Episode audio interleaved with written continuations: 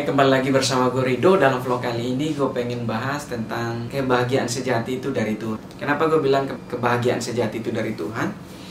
Kalau teman-teman baca berita beberapa hari ini Kita dihebohkan oleh beberapa selebriti yang tertangkap narkoba. Dan salah satu adalah ini seorang pelawak. Seorang yang menghibur orang Yang membuat kita tertawa, bahagia, happy Dan kita merasa bahwa mereka tuh oh orang yang paling happy. Tapi tahukah saudara bahwa beberapa hari ini mereka ditangkap karena narkoba.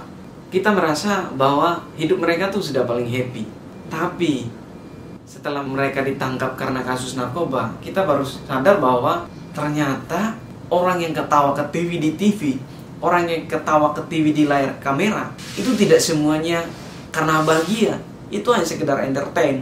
Nah, mari kita memperhatikan bahwa apakah kebahagiaan kita ini kebahagiaan yang karena Tuhan ada dalam diri kita, karena Roh Kudus ada dalam diri kita, karena memang kita tahu bahwa hidup yang Tuhan kasih adalah sebuah anugerah yang perlu kita syukuri setiap hari dan kita harus memanage hidup kita supaya menjadi pribadi-pribadi yang lebih baik supaya kita menjadi pribadi-pribadi yang tidak melakukan hal-hal yang tidak normal di masyarakat kita harus sadar bahwa kebahagiaan sejati itu hanya dari Tuhan.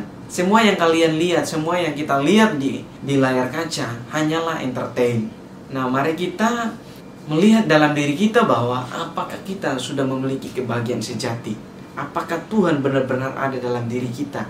Atau kita hanya melakoni hidup kita sebagai seorang entertain yang hanya membuat orang lain tertawa, tapi sebenarnya dalam hati yang paling dalam kita tuh kosong, kita tuh hampa kita tuh stres.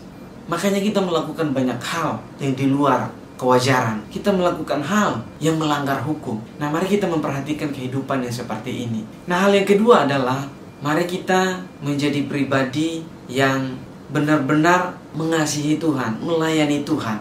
Tidak sekedar membuat orang lain tuh kagum sama kita, membuat orang lain tuh menganggap kita bahwa menganggap saya bahwa saya sudah paling wow dalam pelayanan. Saya sudah pa paling dipakai Tuhan dalam pelayanan. Nah, jangan sampai kita berkhotbah bagi orang lain, kita menyampaikan firman bagi orang lain, orang lain diberkati, tapi sendiri kita hampa.